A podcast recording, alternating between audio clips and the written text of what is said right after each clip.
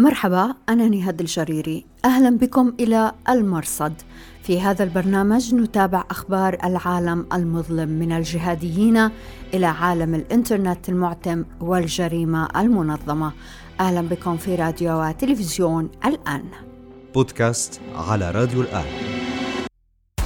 أهلا بكم إلى حلقة هذا الأسبوع من المرصد. نغطي فيها الفترة من 3 إلى 9 أكتوبر 2022 إلى العناوين.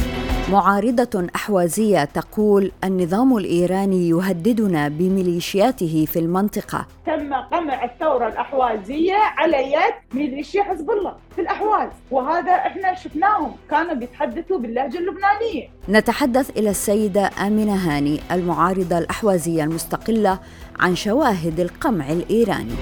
هل تسلل معارضو خامنائي إلى مؤسسات الإعلام الرسمي في طهران؟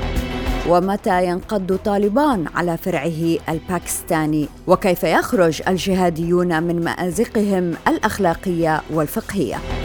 وبإمكانكم الرجوع إلى نص هذه الحلقة في أخبار الآن دوت نت. بودكاست على راديو الآن.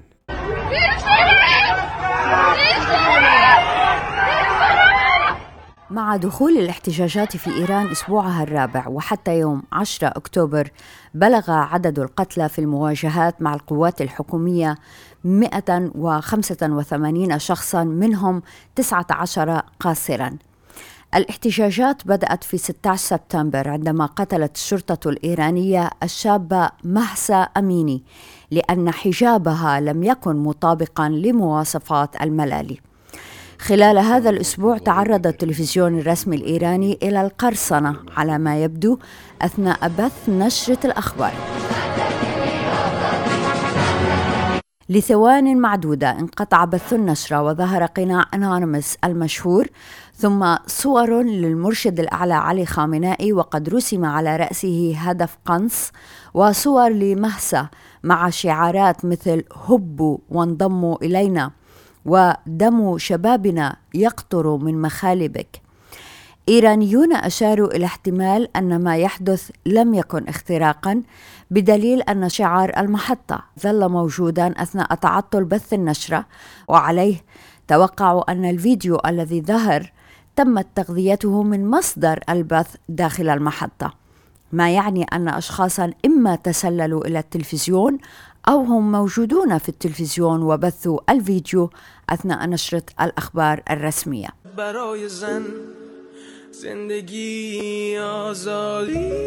ومع تزايد أعداد المشاهير من مثقفين وفنانين ورياضيين الذين انضموا إلى صف المحتجين ضد نظام ولاية الفقيه شددت أيضا الإجراءات ضدهم. مع نهاية الأسبوع صادرت السلطات جوازي سفر الفنانين هميون شجريان وسحر دولة شاهي في مطار طهران بعد عودتهما من الخارج. الممثلة والناشطة الحقوقية من أصل إيراني نازانين بنيادي ردت على من يقول إن الاحتجاجات تستهدف الحجاب حصرا وقالت إن الإيرانيين يقاتلون ضد التمييز ضد المرأة. والاعترافات الإجبارية وعدم تفعيل الإجراءات القانونية والمحاكمات الجائرة والقتل التعسفي وتقييد حرية التعبير والتعذيب وزواج القصر والفساد الحكومي وتمويل الإرهاب والدولة الدينية أو الثيوقراطيه. بودكاست على راديو الآن بالإضافة إلى حشد المشاهير وراء المحتجين وانتشار الاحتجاجات من طهران إلى الأطراف تميزت هذه الاحتجاجات بتنسيق غير مسبوق بين الهاكر الأخلاقيين في إيران والعالم من أجل التصدي لمحاولة النظام حجب الإنترنت. موقع إكسفار العربي المتخصص أشار إلى أن التنسيق تجاوز الأمور التقنية إلى تحميل مقاطع فيديو للاحتجاجات ومحاولات الكشف بشكل جماعي عن هوية الجنود والضباط الذين كانوا يشاركون في حملات القمع العنيفة ضد المتظاهرين. في المقابل يقول إكسفار إنه لا تزال مجموعات الهاكر الإيرانية باكس 026 واشياني توالي النظام وتعمل على ضرب المحتجين الكترونيا. بودكاست على راديو الآن. نقل جهاز الاستخبارات التابع لطالبان أنهم تمكنوا من إلقاء القبض على عبد المالك الملقب بالمالكي المسؤول عن العلاقات الخارجية والمالية في داعش خراسان. وقال إن مهمة الرجل كانت جمع الأموال من دول أجنبية مثل أوكرانيا وفرنسا وألمانيا. حساب الجهاز على تويتر نشر فيديوهات يقول فيها أحدهم إنهم استسلموا إلى الحكومة السابقة وأقاموا في سجن بجرام كضيوف وذلك قبيل سيطرة طالبان على كابول أما بعد السقوط قال إن مسؤولي السجن فتحوا لهم الأبواب وغادروا في أمان. هذا الخبر لقي استحسان أنصار طالبان العرب ودار جدل بينهم وبين أنصار داعش من العرب أيضا. منظر الجهادية أبو محمد المقدسي علق على فيديو مشابه وقال دواعش خراسان من أخبث الخوارج الذين كفرهم السلف وبهذا الفيديو يعترف أحد قادتهم أنهم فضلوا التواصل والتصالح مع الحكومة العميلة والالتحاق بها على التصالح مع طالبان والالتحاق بها. رد عليه أحدهم. بنفس المنطق يجب عليك تكفير القاعدة وخاصة بعدما ثبت تعاونهم مع روافد إيران.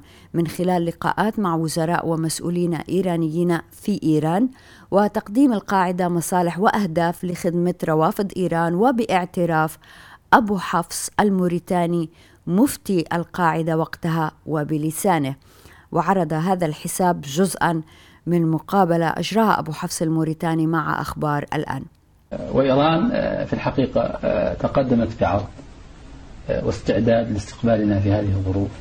قابلت بعض المسؤولين من مرتبة وزير فما دون يرد المقدسي فرق بين أن تتصل بالأمن الأفغاني وتعرض عليهم الانضمام إلى صفوفهم وبين مجرد ترك قتال الروافد بإيران لكونها ممرا ولأن فيها لهم أسرى. هذا ليس أسرا هذا تعاون ودلال ونقل بالمروحيات الأمريكية.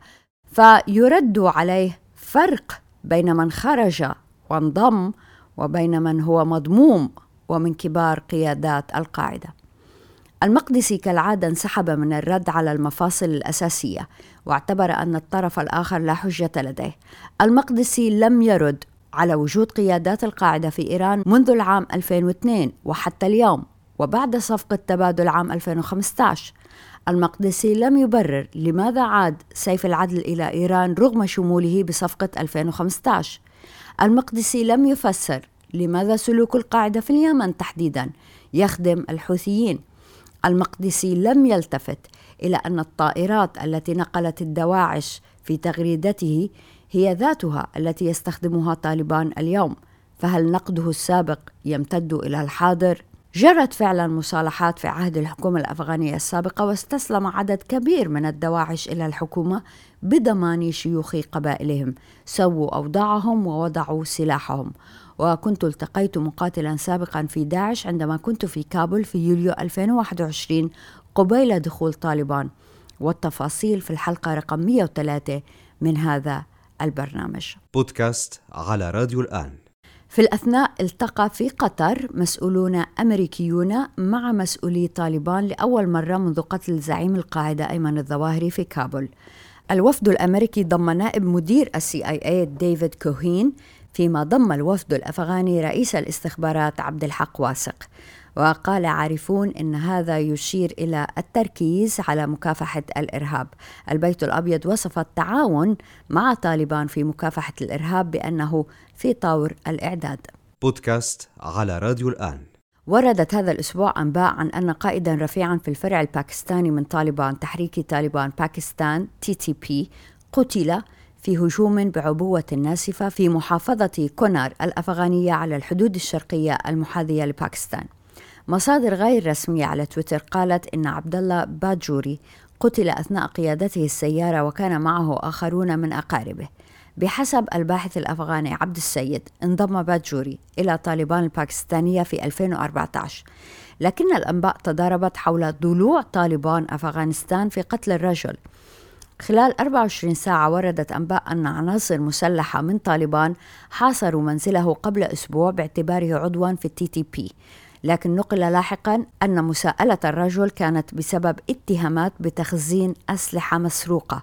وفي النهاية نقل حساب عبد السيد عن مصادر أن مسألة السلاح كانت مجرد سوء فهم. المهم في كل هذا هو العلاقة بين طالبان أفغانستان وطالبان باكستان. وجود ال TTP على الأراضي الأفغانية فيه انتهاك لاتفاق الدوحة حيث أن ال TTP يشكل تهديدا لباكستان حليفة أمريكا.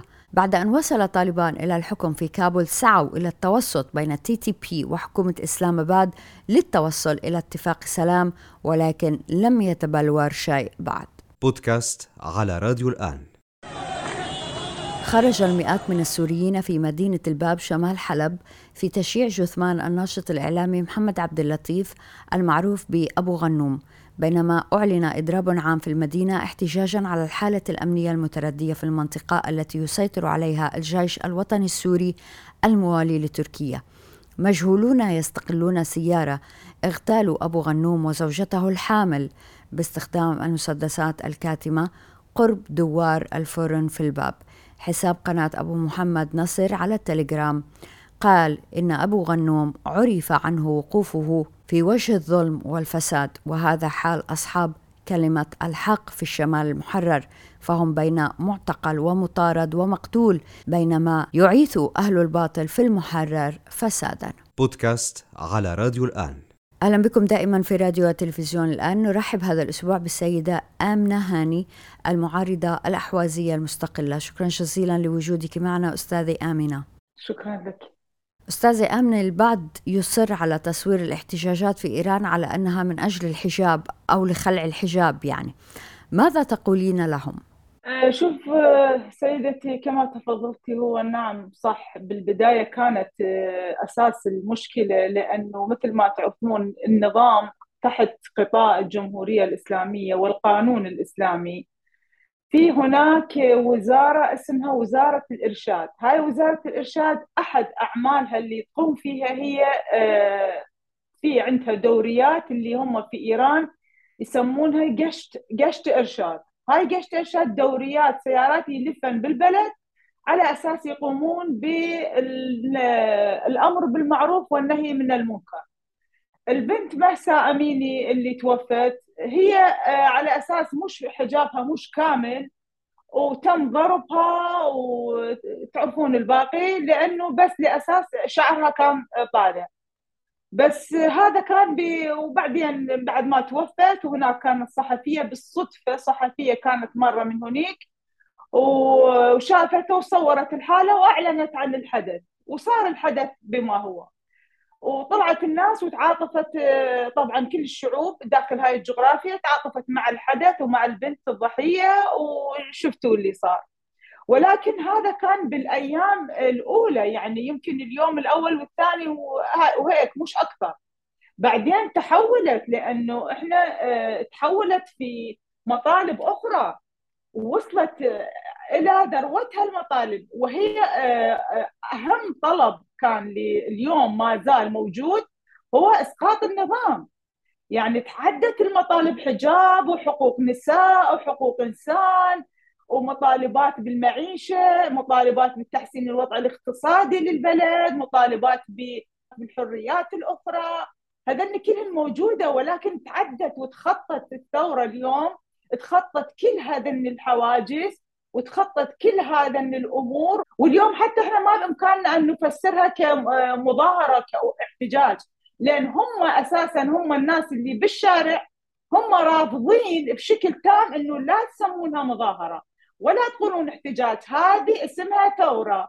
اليوم وصلت إلى مكان اللي لابد على العالم أن يسميها ثورة والثورة لا تريد سوى إسقاط النظام. هذا صار يعني لهذه المرحلة اليوم الموجود عندنا. نعم. سيدة آمنة لو تعطينا فكرة عن حياة القهر التي يعيشها الإيرانيون مقطع من الحياة التي عشتيها حضرتك حتى نتجاوز قصة الحجاب آه يعني آه هذا النظام قمعي نظام بني على الدماء واستمر بالدماء بإراقة الدماء ولولا إراقة الدماء وعن طريق حذف كل كل من يعارضه يعارض قوانينه المجحفة بحق النساء بحق الرجل بحق الطفل بحق كل مكون حتى بحق البيئة أساسا بحق البيئة من الأساس بحق كل ما هو هناك بحق كل موجود حي في على هذه الجغرافيا هو هذا النظام نظام قمعي. نظام مستبد نظام ديكتاتوري نظام بني على هذا الأساس. يعني آه، آه، كسبيل المثال آه، هم في عندهم شعار عدة ناس بالآلاف تم إعدامها موجودة بالإعدامات بما يسمى إعدامات 67 الإيراني سنة 67 إيراني. إعدامات 82 إيراني إعدامات 2019 الآن اللي يعني قبل ثلاث سنوات. إعدامات 2005 إعدامات أو قمع 1979 وهكذا في سنين مخصصة لإعدامات الجماعية والمقابر الجماعية. يعني في عام 67 آه، إيراني آه، بس 30 ألف تم إعدامهم على يد هذا الرئيس الجمهور رئيس جمهور اليوم رئيسي اللي آنذاك كان هو رئيس القضاء آه، الإيراني بطهران هو لحاله هو لوحده تم على إيده إعدام 30 ألف. فالنظام قمعي تحت أي شعار؟ تحت شعار محاربة الله ومفسد في الأرض. النظام آه، يعني خامنئي يعتبر يعتبر نفسه هو الإله. وكل من يعارض نظامه ويقول له لا للظلم ولا للقمع ولا للقتل ولا للسجون ولا للتجويع ولا للتعطيش ولا لكل هاي سلب الحريات هذا يعتبر مفسد في الأرض هكذا يتم إعدامه. يعني تحت هذا الشعار فالناس تريد تزيح هذا النظام كله من أساسه إن كان إسلامي ولا كان غير إسلامي هذا القانون كله من أساسه ما يردونه فاليوم اللي حدث هو صارت يعني صح إنه انطلاق هاي الشرارة كانت من خلال هذا الحدث وقتل البنت مساء أميني. ولكن هذا هذا يدل يدل يدل يدل على مستوى القمع ومستوى انه إن الشعوب في هذه الجغرافيا الظلم فيها وصل إلى ذروته. فكان ينتظر أي شرارة ليهج بالشارع. كان ينتظر أي شرارة بأي حجة تكون كما حدث هذا بالسنين الماضية نعم. كل سنة إحنا في هيك أشياء. لأي درجة استاذه امني الاحتجاجات هذه المرة مختلفة عن غيرها؟ أكيد أكيد في بالتأكيد هذا يعني هاي المرة آه، يعني إحنا علشان هذا الشيء نشوف كل هذا الدعم العالمي من الخارج ومن الداخل كل الشعوب يعني هي موجودة بالشارع طهران كله بهذا المستوى بكل آه، الفئات العمرية موجودة بالشارع. هناك اعتصامات هناك ضرابات عامة هنالك بالشارع الليل والنهار من يتواجد طلاب جامعيين طالبات الثانوية الأصغر الكل اليوم موجود بالشارع. يعني هذا حدث لم يسبق له مثيل. من الخارج أيضا آه، نشوف إن هناك معارضة المعارضة احزاب الشعوب الأخرى أيضا القوميات الأخرى الموجودة تطالب بتحريرها من هاي الجغرافيا. يعني الكل على المستوى يعني المجتمع الدولي أيضا كثير كان دعم. مستوى الرياضيين الفنانين الكل كان في دعم يعني لهذا الحدث أستاذة أمني حضرتك خرجتي من إيران من عشر سنوات ولم تعودي. ما قصة خروجك؟ شوفوا إحنا الآن يعني الأحواز هو موجود كما تعرفين حضرتك موجود على الضفة الشرقية من الخليج العربي. يعني المفروض أن يكون هاي هذه هذه الخارطة هاي النقطة على الخليج العربي وهي دولة كانت وتتميز بكل مكونات آه، يعني اللي اليوم تتميز فيها الدول العربية. مثلا دولة بترول واليوم نظام إيران هو ما عنده يعني هو يشكل النفط الأحوازي البترول الأحوازي والغاز والمياه والأراضي الخصبه يشكل بس البترول هو ثمان أكثر من 85% من بترول إيران من كل إيران. يعني تصور المفروض أن إحنا نعيش اليوم مثل الدول الخليج الشعب الخليجي. لكن شو إحنا؟ هاي أنا على سبيل المثال كما سألتيني حضرتك تفضل يعني تفضلتي عني إنه اليوم لاجئة. ليش لاجئة؟ من القمع من القهر من التجويع من من الظلم ضد المرأة ضد الإنسان من كل من السياسات هاي القمعية من السجون يعني إحنا هربنا من السجون من من ظلمات. سيدة آمنة والدتك توفت العام الماضي الله يرحمها وما قدرت تشوفيها. نعم. لا لا لا.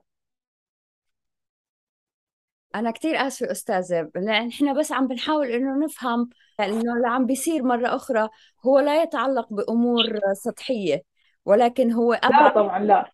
لا طبعا إيه صح. إذا بدنا ناخذ مقطع من من المشهد الإيراني من الحياة الإيرانية ناخذها نسقطها على الأحواز. فالأحواز هي من أغنى مناطق إيران لكن شعب الأحواز هو من أفقرها. وهذا ينسحب على أيضا آه، مكونات أخرى من الشعب الإيراني سواء كانوا عربا أو فرسا. يعني كونهم فرس لا يشفع لهم وكونهم شيعة لا يشفع لهم كونهم سنة لا يشفع لهم. شوف هلا آه، سيدتي كما حضرتك أشرت لهذا الموضوع مسألة الشيعة آخر هم النظام. هلا هذا النظام عند الشعوب خارج هذه الجغرافيا يسمونه نظام إسلامي شيعي بس هو الواقع آه، بعيد كل البعد عن هذا المكون على سبيل المثال لو كان شيعي ما الشعب الأحوازي هو شيعي شعب شيعي طيب ليش يقمع فإذا كان هذا النظام شيعي ليش ليش يقمع؟ ليش يسجن الناس؟ ليش يعذبهم؟ ليش يفقرهم؟ ليش كل هذه البلايا نازلة على رؤوس هذه الناس؟ ليش؟ إذا هو كان هاي هاي يعني على سبيل المثال. وأيضا الفرس هم شيعة يعني. في عندنا الأكراد أيضا هم السنة والبلوش سنة. يعني في هذا النظام السني مقموع والشيعي مقموع. ما بيفرق له. المهم أن يكون موالي له الغير موالي لهذا النظام هو مقموع مقموع. أي كان مكون. فمع الأسف اللي اللي شعوب بعض من شعوب المنطقة تم خداعها تحت هذا المسمى على أساس إنه هو نظام مسلم ونظام وجمهورية إسلامية شيعية. فاستطاع من خلال هذا الشعار وهو شعار تصدير الثورة آه، الخمينية إلى بلد الجوار واستطاع أن يبحث عن موالين ويصنع موالين وي... طبعا إحنا ما نتحدث عن كل الشعوب مثلا بالعراق. عدة من الشعب العراقي اخوتنا الشيعة وأيضا سنة أيضا. وهنا واستطاع منها من خلال هذا الشعار أن يبني له موالين وثم بنى وصنع ميليشيات من هذا من هؤلاء الموالين يعني هو هذه الميليشيات اليوم حتى صار يهدد بهم شعبه. يعني على لسان عدة مسؤولين تحدثوا وهددوا شعوبهم إنه إحنا إذا ضعفنا بإمكاننا أن ندخل حزب الله. راح ندخل عليكم الحشد الشعبي. وهذا ما قاموا به فعلا على أرض الواقع. عام 2005 تم قمع الثورة الأحوازية على يد آه، أعضاء ميليشيا حزب الله في الأحواز. وهذا إحنا شفناهم كانوا بيتحدثوا باللهجة اللبنانية. اليوم يهدد شعبه الفارسي والشعوب الأخرى أيضا بميليشيا حزب الله والميليشيات الأخرى اللي باليمن موجودة ميليشيا الحوثي. هو يعني هذا على صريح الكلام على لسان مسؤولين مش تحليل. نعم. أستاذة آمنة شو أكثر صورة أثرت فيكي مما تناقله الإيرانيون خلال الأيام الماضية؟ الفيديو اللي أتحدث لك عنه بعد لسه ما فات عليه 24 ساعة. كانت امرأة حامل وكانت آه، تهتف وكان زوجها يصيح يناديهم إنه زوجتي حامل اتركوها زوجتي حامل ولا همهم شيء سحلوا المرأة وهي حامل. سحلوها وأخذوها. يوم أمس أيضا هناك عندنا ناشطين وناشطات آه، أخذوهم من البيوت. أخذوهم دخلوا بالبيوت يعني بالمنازل مباشرة بدون حتى ما يدقون الباب جرس شيء يدخلون على البيوت ويأخذون من يشاءون. أخذوا آه، الشهيد عماد الحيدري. صار له بس ست أيام. يوم السابع اتصلوا بأهله تعالوا خذوا جثمانه.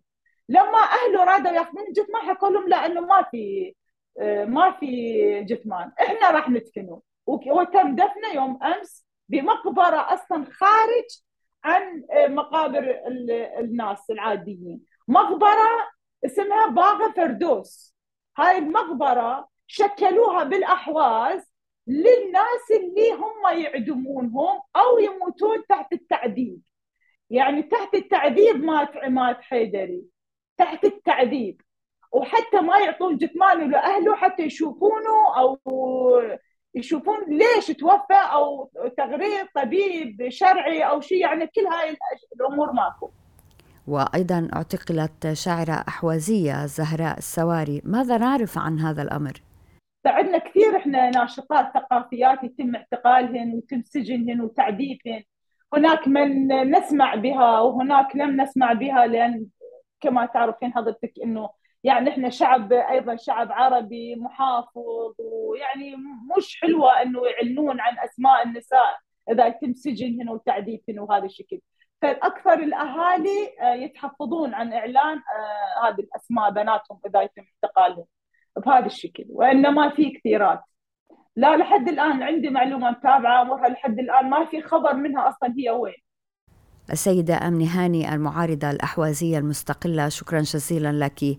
وسامحينا اللقاء كان صعب لكن كان مهم أنه نتعرف على جوانب القامع من شخص عاش آه، جانب آه، من هذا السلوك. شكرا أستاذة شكرا لك شكرا لك سيدتي.